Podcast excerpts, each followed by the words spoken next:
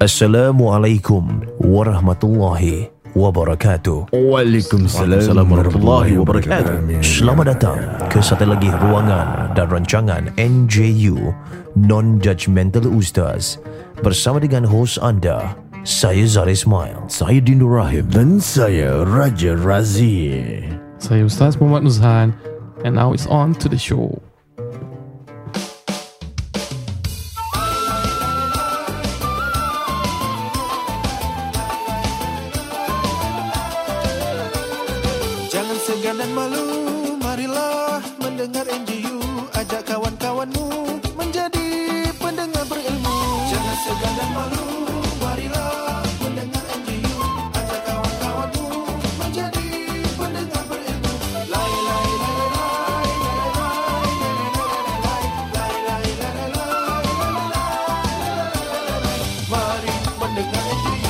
Selamat kembali pada hari ini dalam NJU Non-Judgmental Apa-apalah kalau letak Non-Judgmental U ke mm. Non-Judgmental University boleh Okey. Non-Judgmental Ummah boleh juga Non-Judgmental Ustaz boleh Non-Judgmental As. Ustazah Ah, Oh non-judgmental As, As, boleh ya. okay. Ada satu kalau kita letak kita macam mm, ah, macam gitu lah. Apa? Non-judgmental unta. Okay, macam mm, macam salah gitu tapi mm, ya gitulah. Betul Unta tu dia tak judge siapa-siapa yang naik Ya. dia Dan tak ada aurat eh antara unta dengan manusia.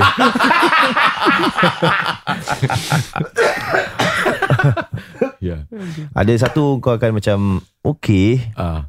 Non-judgmental Uno Card game Card game Oh. ah, Kira macam Doesn't make sense lah ya. Ada apa Apa Ada satu ni Pasal uh, Cuma Dalam program NJU ni Dia seorang je lah Macam Problem sikit lah. Hmm. hmm. Non-judgmental usop Kira usop ada masalah. Budak dalam usop Dah ada masalah mungkin. Aku ada satu uh, Tapi Dia macam Dia kat Malaysia lah. Ah. Dan ini melibatkan Satu daerah Oh. Satu daerah ni akan bersorak Bila aku sebut ni Okay. Non-judgmental Ulu Kedah Okay, aku ada satu. uh, macam usop macam happy kalau Ya, dia. ya, oh, really. non-judgmental ular. Kira usop ular. Usuk ular apa khabar dia Ah, hmm, kira Yalah dia ular not Betul lah judgmental. Ni tempat ni Kalau kita cakap ni Mungkin dia tak berapa judgmental sangat eh Ah. hmm. Dia kira non-judgmental Ulu Kelang. Oh Ulu Kelang ada eh? Ada Ulu Kelang. ada ada Ulu Kelang Oh, kau punya you. Dah, dah main Malaysia. Ini dia, dah, Tak apalah Ustaz maaf eh uh, ya. Mak buang masa masyarakat ni kita Simple je usop. Sila ada ada soalan Ustaz Silakan ada satu soalan ni Okay, okay. uh, Tentang kiblat Ha. eh? Okay. Asal tak cakap kiblat Kita kan orang Melayu Hmm. Ini, ini dia cakap kiblah hai. Lah ikut Kaabah lah. Kaabah sudah ikut. Apa masalah? Gitu. Bayangkan kalau Kaabah tak ada Oh, ni soalan Semua dia. dah lain-lain dah ni. Hmm. Assalamualaikum teman Aku sekadar mencari jawapan Okay Kiblah Dash Etymologically The Arabic word Kiblah Means direction In Islamic ritual and law It refers to a special direction faced by Muslims during prayers and other religious contexts. Apakah Inside a mosque, the Qibla is usually indicated by a mihrab, a niche in its Qibla facing wall. Okay. Aku ditanya kawan sekerjaku yang bukan Islam. Buat aku mencari jawapan.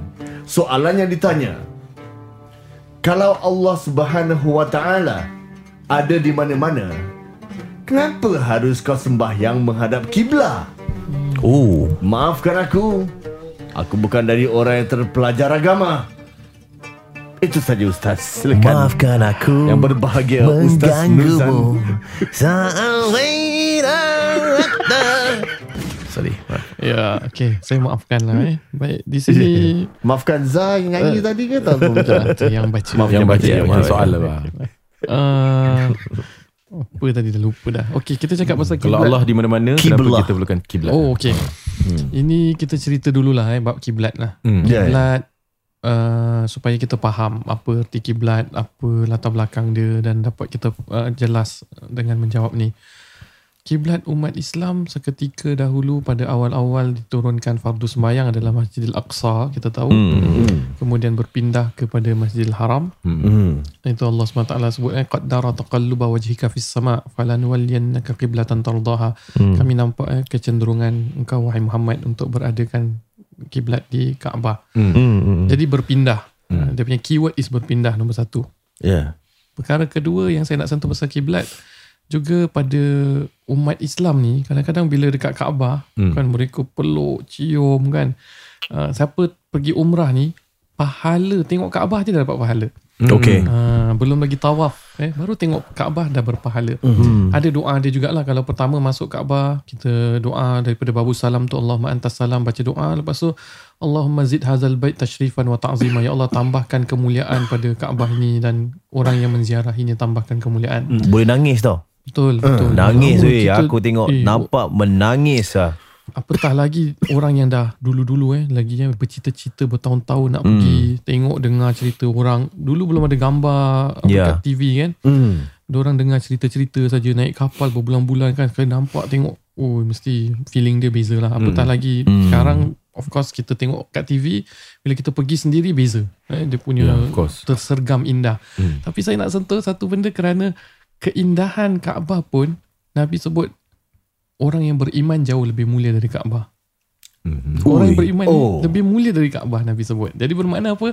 Kita hormat Kaabah, kita tersergam indah dengan Kaabah tapi jangan lupa sesama kaum beriman ni kena ada hormat kerana ada iman dalam hati Ya. saudara-saudara kita. Sayyidina Bilal radhiyallahu anhu saya nak bawa satu cerita bila sebelum uh, uh, Sayyidina Bilal ni tukang azan Rasulullah. Jadi kat mana dia azan? Antaranya bila, bila pembukaan kota Mekah tu, Ya. dia panjat atas Kaabah dan Sayyidina Bilal azan. Hmm. Adakah Kaabah waktu tu bertangga ke macam mana dia boleh panjat eh? Saya Ah. tengok susah nak panjat benda tu. Ada, Tali ada, ada rafiah, ha? Hmm? Tangga lah. Ha, boleh boleh ada tangga. taruh tangga je sekejap. Taruh tangga. Oh, boleh tangga sandar tu. Ha, Oh. Mobile punya tangga kan. Hmm. Dan uh, kenapa saya bawakan cerita-cerita ni? Supaya ada satu gambaran dalam diri kita bahawa Kaabah bukan tempat di mana Allah Subhanahu Taala berada. Hmm. Dan kata-kata yang tadi di soal tu kalau Allah berada di mana-mana kenapa kita perlu uh, menghadap Kaabah itu ada satu perkara yang perlu diperbetulkan eh Hmm. dalam segi usuluddin kita mengetahui bahawa Allah wujud tidak bertempat bukan berada di mana-mana. Hmm. Kalau kita kata Allah berada di langit ya. dalam al-Quran memang eh, para ulama salaf kata Ar-Rahman alal arsyistawa. Dia Allah itu di singgah sana arasnya bersemayam. Hmm. Bagaimana dia bersemayam sampai tak ditanya. Cukup sampai di situ. Hmm. Tapi kalau kita nak uh, men- menghadkan satu tempat bagi Allah, kita tak boleh menghadkan tempat. Hmm. Kerana kalau kita menghadkan tempat bermakna Allah singgah sana mesti lebih besar daripada Allah. I see. Uh, kursi lebih besar daripada Allah, arash lagi besar daripada Allah. Hmm. Dan kalau Allah Subhanahu Wa Taala ada di arash, di mana sebelum ada terciptanya arash Allah? Bermakna Allah berpindah-pindah tempat. Hmm. Uh, jadi berpindah-pindah tu sifat makhluk, bukan Mhm. sifat Allah. Eh, Allah divine dia tak boleh berpindah-pindah tak. Laisa kamislihi syai. Allah tidak sama sepertinya sesuatu. Jadi Allah wujud tidak bertempat. Itu uh, para ulama kita sebutkan. Jadi kalau kita dah faham perkara-perkara ni, mudah untuk kita faham bahawa kiblat ini semata-mata adalah direction ataupun pandangan yang menyatakan kesatuan umat. Dia dulu orang pernah kaji eh kalau siapa yang ada ilmu dia boleh kaji the center of the earth sebenarnya Kaabah. Eh, hmm. bukan London eh. Uh, mereka dulu-dulu kaji sampai sekarang pun di debatekan eh, secara akademik. Betul-betul center. Jadi orang kita orang timur Kaabah dekat barat kita. Orang barat Kaabah dekat timur dia. Orang selatan Kaabah kat utara, orang utara Kaabah kat selatan mereka. Betul-betul center of the earth. Hmm. Dan bila mana kita tawaf pun kita mengelilingi Kaabah dengan bahu kiri kita dipusingkan mengelilingi Kaabah bukan semata-mata hati kita, jantung kita dekat eh untuk kita pusing dekat Kaabah tapi untuk semua menggambarkan unity, kesatuan, facing the same direction. Bukan Allah berada di situ. Bahkan ulama sebut kiblatnya orang yang sedang berdoa adalah di tangannya, di sujudnya. Kiblatnya orang sembahyang di Kaabah. Jadi bukan Allah ada dekat apa dekat tempat sujud kita Hmm. ataupun dekat Kaabah. Ha, ha, jadi untuk kita jawab kepada mereka, kita sebut konsep divine Allah Subhanahu Wa Taala adalah wujud tidak bertempat Mm. ataupun kalau kita uh, mereka nak mudah faham Allah ada apa he exists without any space lah senang Mm. cakap eh Mm. because even before time and space were created he exists so it is impossible for him to apa change into forms of one place to another place because that is in ungodly that is humane eh? Mm. that is ungodly Mm. and bila cakap pasal Kaabah juga Mm. kalau kita tengok eh sekarang kita ni menghadap Kaabah ke kita menghadap arah Kaabah kalau kita semayang dia Arah kablah. Arah Kaabah. ha. Kablah. dia kira kiblat dengan Kaabah eh? Kablah eh? Ah. Um, so arah kiblat tau yang kita hadap. Kita Ha. tak hadap Kaabah tau. Kita hadap arah Kaabah. Uh-uh. Kalau kita dekat dalam Masjid Nabawi, ya Masjid Masjidil Haram, Ya. kiblat kita Kaabah. Kalau Betul. kita dekat tanah haram, kiblat kita Masjidil Haram. Kalau kita selain daripada dekat tanah haram, kiblat kita sebenarnya arah Kaabah je. Hmm. Saya kasih gambaran. Masjid kita kalau 30 meter ataupun 50 meter Hmm. panjang. Mm. Kalau Kaabah tu paling 12 hingga 14 meter je panjang. Mm. So kalau kita nak menghadapkan ke arah orang yang kat ujung-ujung mana boleh sama line dengan kita dia kena semi circle. Ya, ya. Ah, betul. Tapi kita sama line Mm. bermakna yang kat ujung sampai ujung tu dia bukan hadap kiblat dia hadap arah, Arah. kiblat. Mm. Ah, jadi sebab itu kita kalau niat ada sebagian ulama dia kalau niat usolli fardal maghribi salasa rakaatin mustaqbilal qiblah. Ada Oh, an imaman Ada penambahan ke- dia. Ada penambahan eh Hmm. menghadap kiblat. Jadi sembahyang kita menghadap kiblat bukan Allah berada dalam Kaabah. Ah, saya rasa itu perlu kita tekankan Saya nak unity. macam buat penambahan sikit. Ha, silakan. Uh, bukan apa sebab saya faham dari mana uh, soalan yang ditanya pertanyaan tu Hmm. dan mungkin pertanyaan tu daripada non muslim ustaz. Hmm. Jadi dia senang dia visual dia tengok engkau solat ke arah ni bermaksud engkau ke arah Tuhan kau. Hmm. Dalam apa-apa konsep teologi ke apa dalam konsep penyembahan dalam Christianity ataupun dalam Taoism dan sebagainya mereka selalu sembah Nampak idol lah. uh, ke arah Tuhan mereka Ya, ya. which is contohnya salib ada kat depan Hmm. dalam church ataupun di altar mereka ada Hmm. Tuhan-Tuhan mereka diletak kat sana mereka facing jadi mungkin konsep tu Hmm. mereka letakkan dalam Islam jadi betul kan saya kalau salah Mm-mm. seandainya saya kasihkan Gambaran. uh, this sort of explanation adakah bertentangan ataupun tidak Hmm. sebab saya rasa maybe this will be a more accepted explanation Mm-mm. um, kalau saya katakan uh, solat ke arah Kaabah tu bukan bermaksud Tuhan dekat Kaabah Mm. it means the fact that kiblat pada asalnya telah pun ditukarkan Hmm. daripada apa tu Masjidil Aqsa. Aqsa, ke. Masjidil Haram Mm-mm. it shows that kita follow God punya command Ya. dan kita patuh dan taat kepada Allah Mm-mm. dan kepercayaan kita sedemikian dan kita tidak bertanya you get me like God gives perintah uh, God gives like a, satu perintah Mm-mm. and because we are slaves kepada Tuhan dan juga because kita adalah hamba kepada Tuhan Mm-mm. kita ikut dan patuh kerana ini adalah perintahnya Mm-mm. and the reason why we all are doing that because we are simply following the commands of God Ya. and it's not because God is there it's because God told us to be there Mm-mm. and when we do this we show an a, a, a big amount of loyalty and devotion to this one being we call God Mm-mm. And that is the reason why we all face Kaabah bila kita tengah solat. And this is because God told us to do so. And it is a way of us showing our undying loyalty and our love to God. And that's the reason why we're doing it. And for the fact of the matter that God is everywhere, yes. Mm-mm. But we chose to follow His commandment. And it also shows that unity that Muslims around the world, we only face one direction. Yeah. And come on, don't tell me that is not the show of the ultimate brotherhood and sisterhood in a religion which we all everyone regardless of which longitude and latitude you are you all face Kaaba Mm-mm. I don't know that's why I would say that I, I will explain it like that lah I think the the second point is superbly putted lah eh. Pasal Ustaz, uh, ya. putted lah. Being put lah eh. Ada past tense eh. Yeah, yeah. Putted. So the second point yang saya cakap tu betul lah. That is unity. uh, itu yang kita nak cuba sampaikan. But the first point tentang ta'abudi itu konsep semua jawapan dalam Islam. Kalau kita beriman, kenapa ini haram? Kenapa ini halal? Kenapa? That is the answer lah. Answer dia adalah kerana kita sebagai hamba Allah Subhanahu Wa Taala kita ta'abudi. Ini adalah perkara-perkara yang kita patuh dengan perintah Allah. Uh, tapi kadang-kadang uh, orang yang tidak beriman kalau dia so what's the logical thing ah dia nak faham lagi itu yang kita cuba cakap.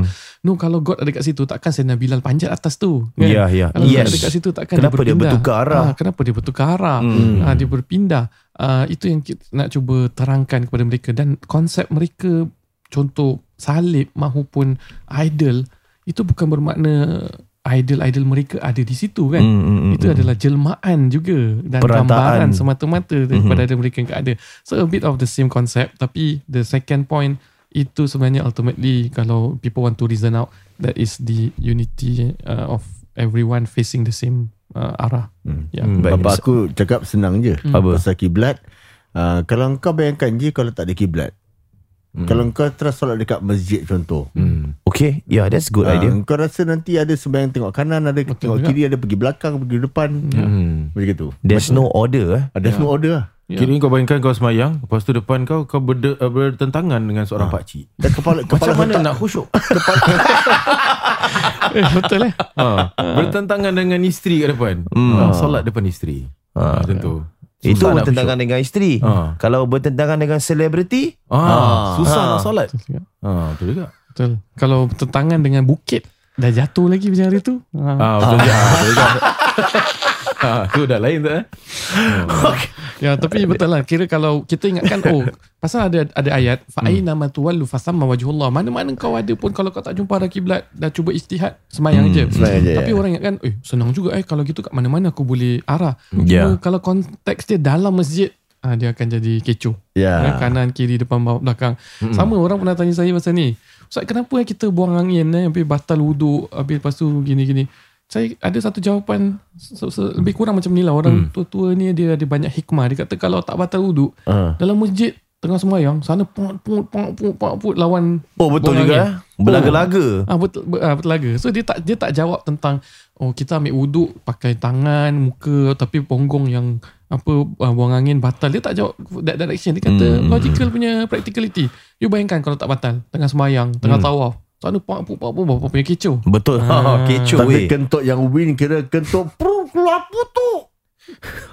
Kan pernah beli, pernah beli. Tu Isam Sudin. lah. Apa? Ya, Samsudin, ya, Oh, Ustaz tahu eh? Scene Dia, apa? dia, sebenarnya tengah jahit Saya baju. tak tahu ah. sini. Dia tengah jahit seluar. Ah, mana koyaknya? Tu angin perut keluar koyak. Tak lebih I can't believe you found this funny Razi. This is very unfunny.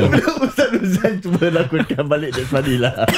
I don't even know this scene Ya, exists. dia macam Terus dia kata Ada eh? Tak koyak Ros nyati macam Tak koyak Tadi, tadi koyak Lepas tu lah dia kata Alah Cik Ros Baunya makin melekat lah Hmm lebih kurang lah Okay thanks Razi What the hell man? Soalan seterusnya Ustaz, eh. Someone tag us in the scene, put it in Instagram or something. Confirm ada. I want to have a look at it. Kasih Yeah. tengok, kasih Zat tengok please. Okay. Ah, ni Ustaz ni uh, tentang seorang lelaki apabila berambut panjang ni waktu solat lah macam mana ni. Kalau uh, hmm. nak tahulah hukum lelaki berambut panjang kalau solat rambutnya diikat atau memakai headband hmm. boleh ke tidak? Itu satu soalan eh. Ah, Siapa tanya? Moliano eh? Bukan.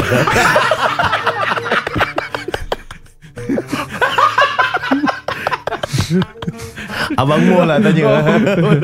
Itu satu Saya saya nak buat penambahan sikit lah Itu satu eh Okay. okay. Headband Ini kalau macam dia, dia, dia letak ikat Uh-uh. Lepas tu waktu dia sujud Rambut jatuh Okay. Rambut jatuh Ah, dah menutupi dahi Lepas tu dia sujud dengan dengan rambut lah kira kan hmm. Rambut dia dah Oh, cover dah, lah. Dahi dah kena tutup dengan rambut hmm. Dia sujud ha, Macam mana tu Ustaz? Okay Itu sahaja soalan dia Okay Saya kira orang yang Rambutnya panjang Lelaki Hukum lelaki rambut panjang Selama mana tidak menyerupai wanita Tak jadi masalah Ah, maknanya apa? Maknanya kalau orang rambut panjang, hmm. kadang dalam hadis Nabi Nabi juga ada masanya rambutnya sehingga bahu. hmm. Hmm. Ah, sehingga paras hampir ke bahu eh, Hmm. telinga dan sebagainya.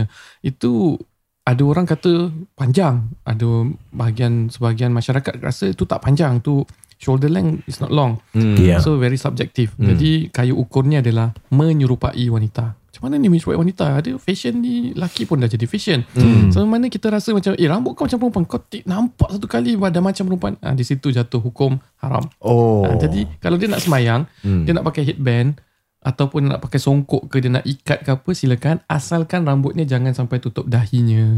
Hmm. Ah, balik pada soalan dia yang nombor dua tu lah. Kalau Hmm. dah sampai tutup dahi, anggota sujud kita adalah tujuh. Dahi, Kedua telapak Dua tangan, telapak tangan. dua lutut, dan Lutut. juga kaki lah. Ya. Da- kaki. dahi bermaksud keseluruhan dahi ataupun kadang-kadang rambut kita kan macam bangsa yang yalah tak bukan yang panjang sangat pun yang penting dia dah tutup dia dah tutup dahi lah kira kan. Hmm, tutup. Tapi kalau walaupun kira dia punya rambut dia dah terselak sikit nampak kulit dahi tu dan kulit dahi tu sahaja yang menyentuh uh, bawah tu. Ini- Waktu kita sujud ini- dah. ini macam kira soal- dah lepas ke tak? Ini soalan kau tanya yang untuk engkau ke Din? Ah, tak lah. Oh ya. ya. kalau Kan Mulyano. kalau hairline ke apa tak jadi masalah lah. Uh, tapi kalau memang anggota sujud kita uh, tak terkena di bumi atau di tempat sujud itu Ya. boleh tidak sah. Hmm. Sujud yang tidak sah, uh, syarat-syarat dan rukun-rukun sujud tak sah. Sujud itu adalah rukun dari semayang dan semayangnya tidak sah. Ni Okay. ada soalan main-main lah Zat, eh. Silakan. Okay, contohnya macam uh, Fuh, ada orang bertanya macam dia tengah solat, dia sengaja saya tak tahu macam mana eh. Dia sembahyang, dia lelaki, dia sengaja sembahyang pakai tel- telekung. Tapi dia solat. Ah macam mana? Semayang betul-betul. Ah, dia sembahyang tapi dia pakai telekung. Kenapa ni eh, social experiment ke apa ni? Uh, ada orang tanya lah dia maksudnya Saja tanya, tanya lah. tanya dalam segi ni kira nak test fikiang fikiah seseorang lah. Hmm. Dia ni betul lelaki cuma dia cakap pakai te- uh, telekung semata-mata kononnya rambut dia memang panjang jadi dia tak nak macam kecoh lah tak nak kecoh. Jadi dia macam okey dah tutup aurat semua dia semayang. Balik, headband balik pada apa? hukum asal lah penyerupaan tu tadi. Oh, Menyerupai yang oh, menyerupai oh. kita tak boleh lah, eh. Tak boleh lah. Pasal sekali pandang aku tengok Eh ini lelaki Tapi pakai telur dah macam perempuan Hmm. ah, Dah tak boleh lah Bukan pasal tu je takut dia pakai macam perempuan. Orang datang perempuan datang semayang sebelah dia semua. Hmm. Oh betul juga eh. Ah, kecoh kan. Ya. Bagi mereka yang mungkin dah lakukan sex change, Hmm. lepas tu diorang uh, Kembali. kembali Hmm. uh, bagaimana nak kerjakan haji ataupun umrah? Hmm. Diorang join jemaah lelaki ke join jemaah perempuan? Kalau tengah pakai ihram eh Aha. khususnya eh. Hmm. Kalau uh, Ustaz pernah bawa?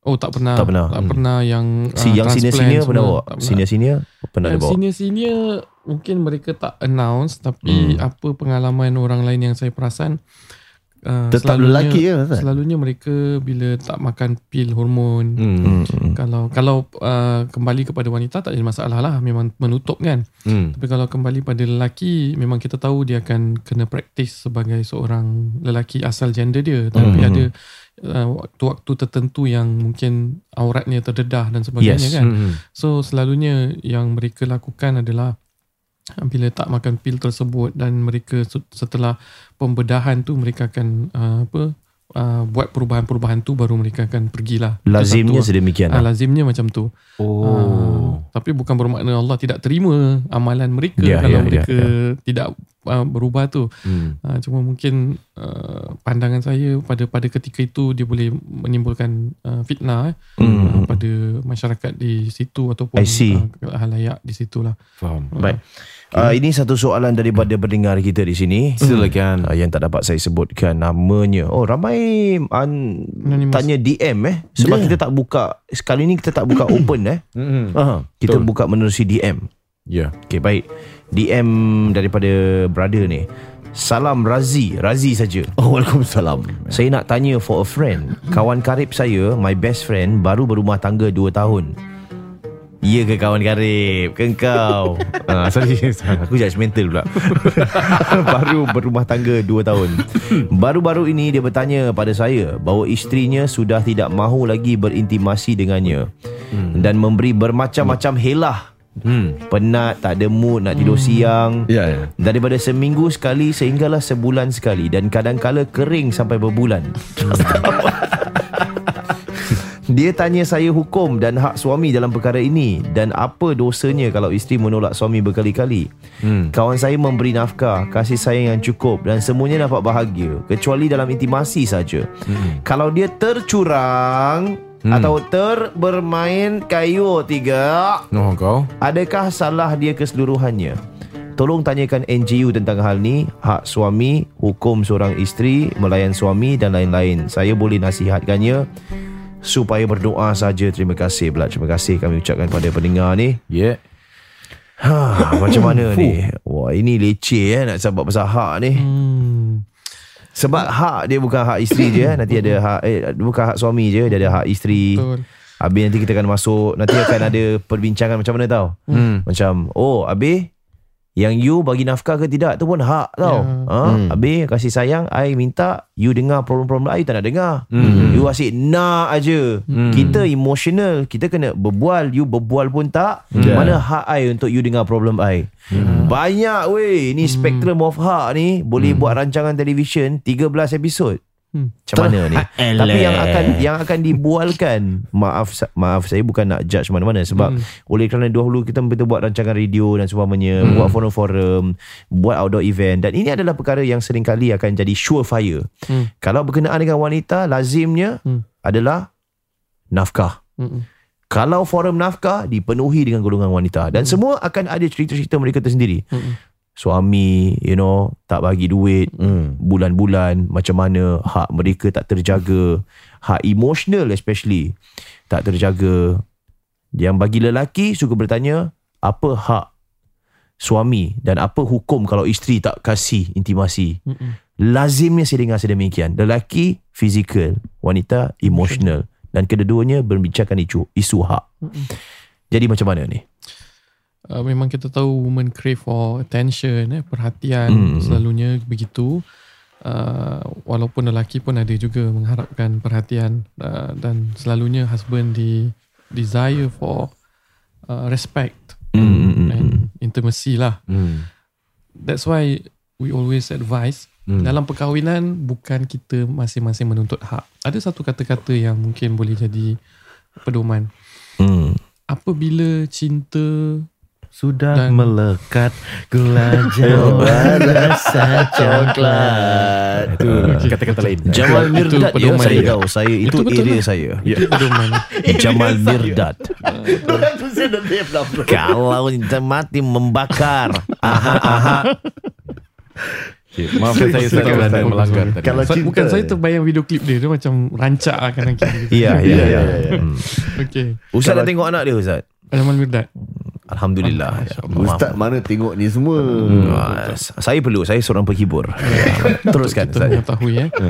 Tadi kata-kata tadi Kata-kata tadi. uh, Tentang hak tadi Ustaz. Ka- ah, Kalau cinta tadi Ah, Ustaz kalau tukar cinta. apabila lah Apabila Ah, Apa- Apabila cinta itu Sudah Pudar Melekat Ada Jangan kacau lah. Sorry sorry Pasal ke dalam rumah tangga ni Dalam rumah tangga Kadang-kadang cinta pudar Hmm. Ya uh, Pudar tu bukan dia hilang Hmm. Dia demam eh? Dia kadang-kadang Fading uh? Fade naik turun Setelah 15 tahun 20 tahun Jadi Hak dan tanggungjawab itu yang mengikat kasih sayang sebenarnya. Bermakna kita tak I boleh see. bila dah tak sayang, dah tak cinta, dah tak nak jalankan hak, dah tak nak be attentive, dah tak nak berikan nafkah. Hmm. Tak boleh. Macam mana pun hak dan tanggungjawab perlu diberikan. Kerana kita tak boleh hanya berdasarkan cinta. Walaupun cinta itu satu benda yang perlu ada, tapi hak dan tanggungjawab tu mengikat uh, sesu- sesebuah rumah tangga dan perhubungan bila cinta itu pudar seketika. Hmm. Jadi apabila ni kita dah sedar, tak bermakna kita tuntut sentiasa menuntut hak, sentiasa menuntut hak. Perkahwinan sukar eh kalau nak berkesan kalau masing-masing hanya um, memainkan uh, apa nama dia menuntut hak masing-masing lah pakai Hmm. kad uh, this is my right this is my right macam Ya, kita ya. nak bersyarikat ke ataupun kita nak berkawan pun Hmm. kita kadang-kadang ada compromise kadang-kadang kita mengalah kadang-kadang kita memberi yang lebih dan itu keindahan per, uh, perkahwinan dhammu syai' eh, dia meng, menghimpunkan dua-dua perkara Hmm. uh, jadi kalau yang bertanya ni saya tak boleh nak cata, nyatakan sepenuhnya Hmm. kalau kita buat satu kesilapan kita main kayu tiga kita cari yang lain oh kita menyalahkan uh, orang yang di rumah tak uh, menjalankan hak Ya. I think apa yang perlu kita buat adalah senantiasa memperbaiki dan mencari jalan-jalan untuk kita ada satu kata sepakat. Hmm. Uh, bagaimana kita pergi berkomunikasi dengan baik ataupun kita pergi ke counselling. Faba'asu hakaman min ahli wa hakaman min ahliha. Kalau kita nak islah, kalau ada pergaduhan besar pun boleh pergi counselling sama-sama. You should Mm-mm. you should go to counselling, you should go to find a a good apa counselor ke even to the extent of psychologist ke kalau perlu kan Hmm. pergi perbaiki itu dahulu eh, sehingga semua faham peranan masing-masing. Mungkin dari sudut kita ada yang tak selesa, Ya. uh, ada yang kita tak sedar. Seperti mana Zal kata kan, kita tak begitu memberikan perhatian, Hmm. tak be a, an attentive listener, tak bertanya. Jadi uh, isan isan isan reaktif daripada pihak pasangan Hmm. uh, dan kita tak boleh terus katakan oh dalam hadis Nabi Nabi kata laknat Allah uh, kepada mereka yang menolak uh, ataupun uh, mereka yang menolak suaminya mendapat laknat daripada para malaikat sampai pagi hari. Hmm. Memang ada hadis macam tu. Tapi adakah hadis itu menunjukkan bahawa satu pihak aja? Tidak. Dalam masa yang sama Nabi sebut sebaik-baik kamu adalah yang terbaik buat pasangannya juga, buat hmm. isterinya. Hmm. Uh, bermakna ada comprehensive punya approach yang kita kena tengok suami perlu berikan perhatian dan isteri perlu berikan uh, segala-galanya. Jadi konsepnya secara ringkas uh, memang bila cinta tu pudar atau rumah tangga tu dia perlu terjadi dan uh, berkesan apabila hak dan tanggungjawab dijalankan dengan baik Hmm. ada intimasi ada kasih ada cinta tapi dalam masa yang sama jangan senantiasa kita uh, sebut tentang hak dan tanggungjawab hmm. tanpa kita memikirkan cara untuk kita capai kebahagiaan bersama insyaallah Okey, baik. Uh, ada soalan, silakan. Baik soalan seterusnya daripada teman kita ni mengenai oh ni dosa dan pahala lah. Saya pernah melakukan satu dosa besar Ustaz pada masa lampau. Besar mana dosa dia? Salah satu cara untuk saya bertaubat macam mana Saya pernah melakukan zina pada siang hari Pada bulan puasa Ustaz Oh.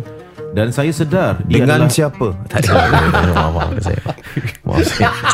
Kira nak tahu kepo eh, nak tahu kepo. Dengan siapa? Aku serius tau.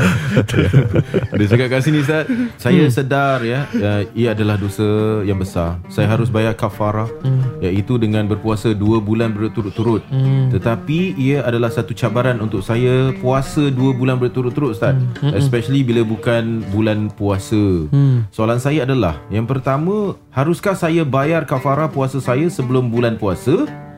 Itu nombor satu eh Soalan yang kedua Boleh atau tidak Saya berpuasa satu bulan sebelum bulan puasa Dan lagi satu bulan saya berpuasa pada bulan puasa Dengan niat membayar kafarah sekali okay. Jadi maksudnya dia puasa Lepas tu dia niat bayar okay. Okay. Setahu saya hukum berzina sebat 100 kali. Macam mana Ustaz? okay. Pancong kan? Apa kau? Tak. Terus. Yalah Itu Okay lah Itu cerita lain lah lain kali Panjang pula Ini je dah panjang okay. Ya, ya. Sebenarnya perkataan dia Bukan zina saya rasa Perkataannya dia menyetubuhi Bersama suami isteri Di siang Ramadan Huh? Kerana Ya ke, Ustaz? kalau Dia Kalau zina, dia kata zina Ah. Bermakna tak ada kafara pun Yalah. Tak ada kafara Ah. Maknanya dia perlu bertaubat Sudah Hmm, hmm. Ya. Tidak ada pembayaran kafara Okey mungkin Ustaz boleh kasih dua lah Ni satu dia Hmm. single Tapi dia Hmm, dah mungkin, berzina eh, mungkin, Satu eh. lagi ni Betul. suami isteri ha. Kalau okay, jadi nombor satu kalau hmm. berpandukan dengan apa yang di, di, ditanya oleh per, per, penanya kita ni, hmm. Ya. Hmm. telah berzina di siang hari Ramadan, jawabnya bertaubat. Tidak ada kafara eh. Ah, Bukan lah. bukan 100 kali sebat. Kalau tak ada servis tu kita boleh suruh kawan kita sebatkan. In eh, in. Uh, kalau betul-betul yang dah kahwin hukum sampai rejam eh. Rejam Ada sedemikian mati, lah. eh. Rejam Ya. sampai mati tau.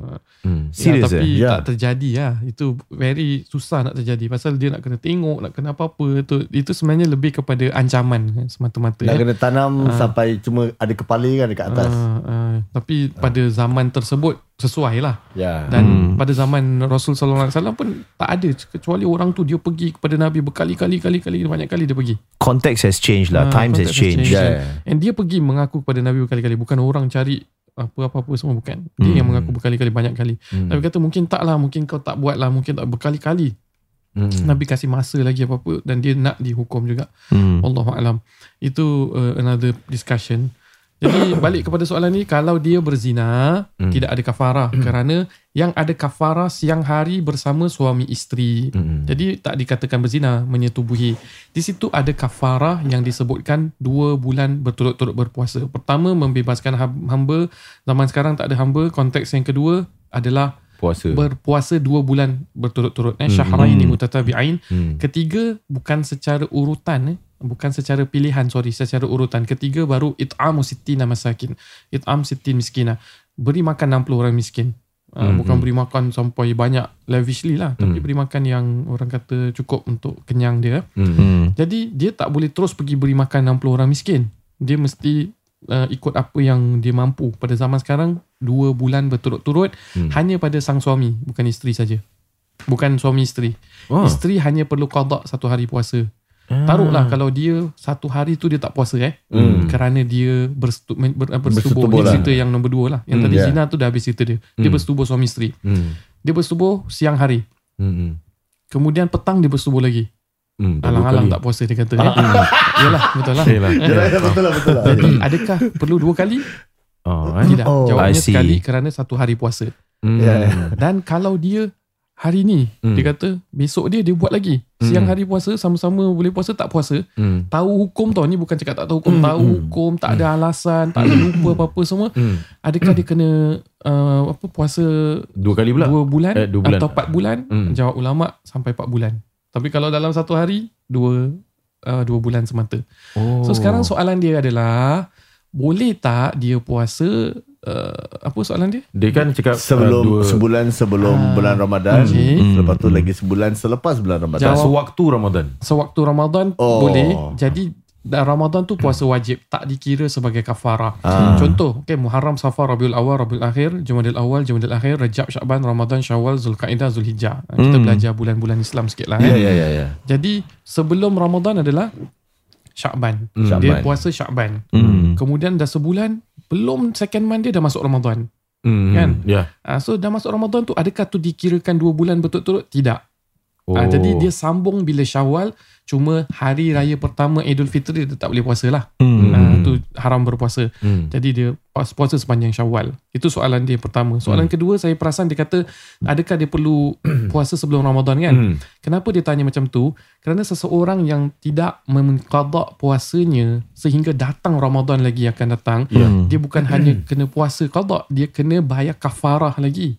Hmm. Uh, dan kalau kafarah dia tak bayar dia akan berganda kafarah tu lagi. hmm. Jadi uh, dalam mazhab Imam Syafi'i macam tu eh. Hmm. Uh, dia akan berganda. Jadi kalau dia tak berpuas, dia tidak berpuasa sepanjang 2 bulan sampai masuk Ramadan, adakah dia kena ganda sampai 4 bulan? Jawapannya tidak. Jawapan Oh. dia hanya 2 bulan sahaja. Masih berhutang lagi lah Masih kan? berhutang 2 bulan. Uh, saya kira tu sedikit sebanyak mengenai Kalau Ah. tak boleh juga boleh kasih yang 60 Ah, orang kalau miskin. tak boleh tu pasal apa? Ah, kalau tak cakap boleh oh, tu lapar lah, Ah. lapar lah. Pasal zaman Nabi SAW ada orang tak boleh. Seorang tu dia buang dia, dia cerita kepada Rasulullah, ya Rasulullah, aku dah macam ni, aku bersama dengan isteri.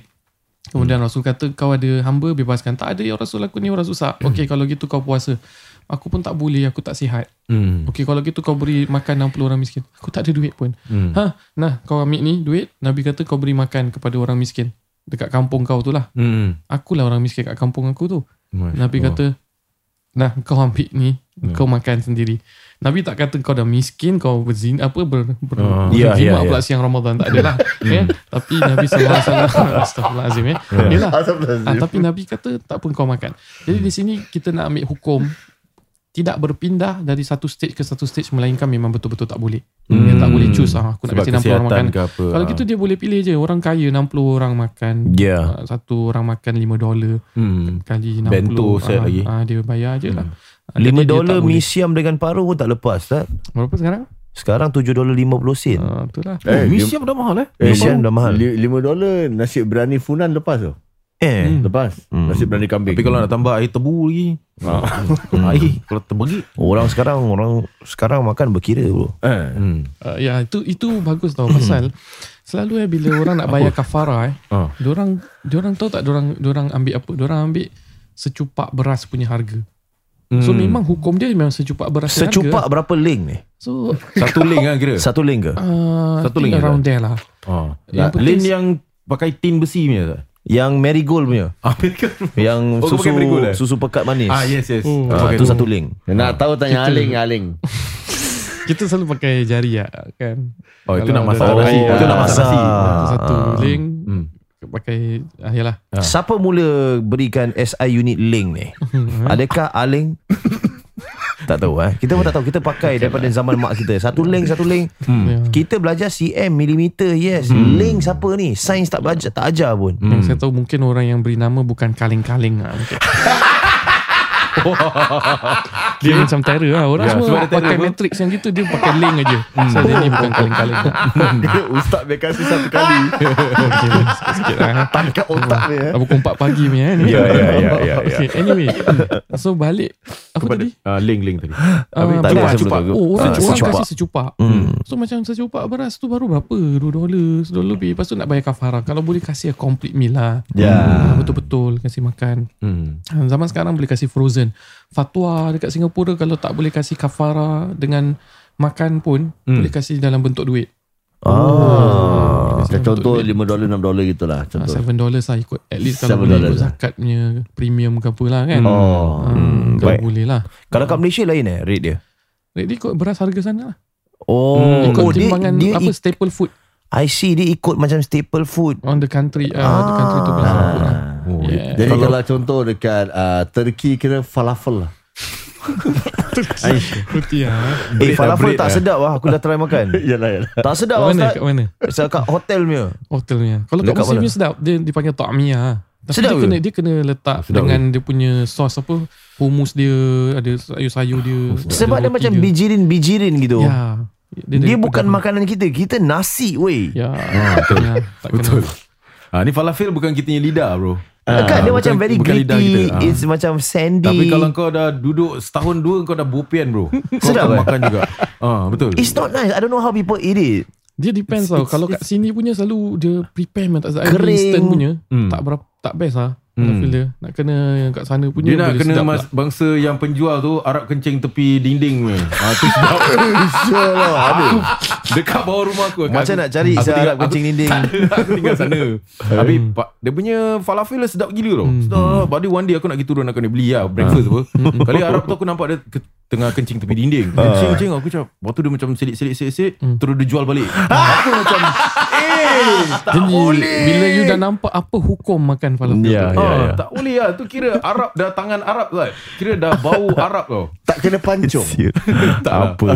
So I mean like Itu ke sana lah uh, Tak jadi sih aku makan kat situ ya, Ikut staple food negeri masing-masing Baiklah. Uh, terima kasih atas soalan-soalan yang telah pun ditanya dalam sesi NJU. Hmm. Teruskan dengan DM-DM anda semua. Teruskan yang ada uh, soalan tidak perlu tunggulah. Ya ya. Uh, tidak perlu tunggu kita post Oh sila letakkan soalan-soalan Kalau kau dah let, nampak kita letak macam tu Maksudnya soalan dah habis Ah. Ha, kalau masih ada lagi incoming kita akan uh, baca daripada DM dan ada soalan muslimah bersangkut paut dengan muslimah pula yang mungkin rasa agak sesuai untuk dijawab oleh seorang ustazah. Mm-hmm. berbanding dengan Ustaz Nuzan boleh sahaja uh, DM juga tapi letakkan di tanda atas untuk ustazah NJU letakkan sedemikian. Dan uh, untuk pengetahuan semua kita nak berikan satu pengumuman lah. Aha. sebab kita dah buat pemilihan bagi ustazah dan juga host kita Oh. dalam rancangan NJU versi Muslimah pula. Hmm. kita ingin ucapkan tahniah dan selamat datang. Marha marha Marha marha Hmm, marah kepada ustazah Syamim Syamim Ustazah. Syamim Sultana well, hmm. black, Background sikit Pasal uh, Ustazah Syamim ni hmm. Okey, uh, besok nanti bila ni boleh tanya Recording beliau dia lah. sikit ni Ya. apa yang saya kenal beliau eh based on my uh, apa introduction saya ni lebih kepada apa yang saya kenal. hmm. Beliau senior saya di Mesir Hmm. dan beliau lulusan Syariah Islamia, pernah bertugas di masjid. Ya. Uh, seorang yang mempunyai saya tak silap tiga atau empat orang anak. Hmm. Jadi ada naluri keibuan Ya. dan banyak bercampur dengan masyarakat juga Hmm. dan uh, mengetahui uh, soal-soal fake wanita terhadap uh, keuzuran baik terhadap suami isteri dan hubungan ibu dengan anak hmm. dan bagaimana membawa diri berkerjaya di tengah-tengah masyarakat metropolitan juga di Singapura. Hmm, Jadi hmm, hmm. saya kira dengan pengalaman-pengalaman beliau sebagai uh, tenaga pengajar dan bertugas di masjid, uh, saya kira beliau seorang yang sesuai Hmm. untuk menjawab soalan-soalan anda dan ini juga berpandukan dengan apa yang uh, di, diberikan uh, pandangan daripada pendengar-pendengar eh yang Ya. inginkan beliau antara nama-nama yang lain juga Hmm. menginginkan beliau dan uh, daripada sudut uh, pencapaiannya saya kira uh, tidak asing lagi beliau mempunyai ARS dan asatiza yang uh, freelancer yang banyak ada kelas-kelas online. Hmm. Jadi moga-moga beliau juga tentunya sebagai seorang yang sesuai kerana beliau non-judgmental. Ya, saya um, antara beliau sebenarnya saya tak pernah dengar Ustazah Syamim Sultan. Sultanah ni tapi berapa tahun lepas uh, diundang untuk menjadi moderator bagi sebuah forum di yang sebelah dengan Ma- Masjid Wisma tu apa? Qasim. Eh Masjid Wisma pula Mana? Masjid Kasim ah. Hmm, Oh. Masjid Kasim kat sana kan Hmm. Yang sebelah dengan hang motor tu Hmm. Hmm. Ah, Masjid Kasim lah. Aku repair motor kat sana Hmm. Jadi Masjid saya, Kasim tu? ah, Saya tak pernah dengar kira, kira, kira sering pergi masjid lah Tapi, Kasim tu. ah, Lepas tu panel dia merupakan Ustazah Oh. Syamim Oh, Masya Tapi Allah. bila dia berbual tu Hmm. um, I was really surprised Hmm. sebab she packs a punch. Hmm. Dia punya pencer dia punya penyampaian tu feisty Hmm. dan berapi dan juga berantai. Wow. dia kira macam bagus lah. The, bagus. the hits and punches were there Hmm. dan dia jawab dalam bahasa Inggeris dia fasih.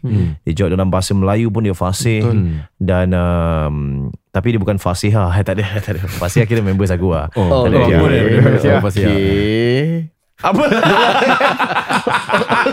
Okey lah. Ya. Kau punya okey tu dia je Okey Tapi memang dia luar biasa lah hmm. Dan saya rasa sesuai Untuk dia datang ke podcast Untuk memberi ceramah Dan um, Dalam masa yang sama Host yang telah pun kita pilih Ya, ya. Hmm. Adalah seorang selebriti Yang tak asing lagi Ya. Fasihah nama dia. Bukan Baru-baru ini diundang dalam podcast Okay Let's Go Hmm. Untuk berkongsi kisah Hmm. Lepas tu uh, Ada sedikit kontroversi Ya. Oh, ya, ya, ya.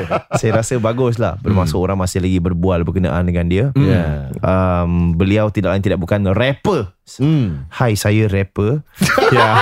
Beliau adalah Mawar Berduri Ya.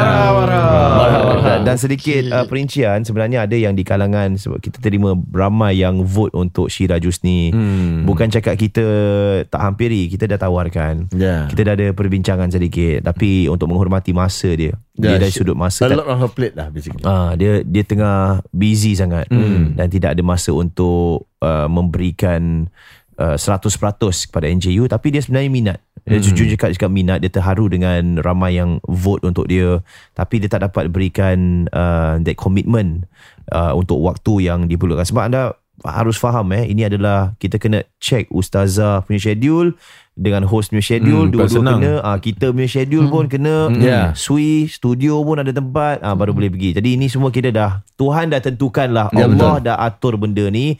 Mawar Berduri adalah host bagi uh, NJU Muslimah dan Ya. Ustazah Syamim pula adalah uh, ustazah yang bakal menjawab. Kita akan perkembangkan lagi um, orang kata tu uh, dari sudut ustaz dan ustazah yang bakal memberikan pencerahan. Mhm. Boleh berikan saranan juga Ya, melalui betul. CDM berkongsi sama dan apakah mungkin episod takkan nasi soal jawab je kan. Hmm. Uh, kau nak ad- macam ada sesi peruntukan bacaan ke apa ke Oh, baca kitab eh. Tafsiran Ah, ke ya. hadis Ya. ke apa kan. Kongsilah di ruang DM kami terbuka dengan segala cadangan dan begitulah keadaannya daripada kami di sini di NJU ingin mengucapkan wabillahi taufiq wal hidayah. Wassalamualaikum warahmatullahi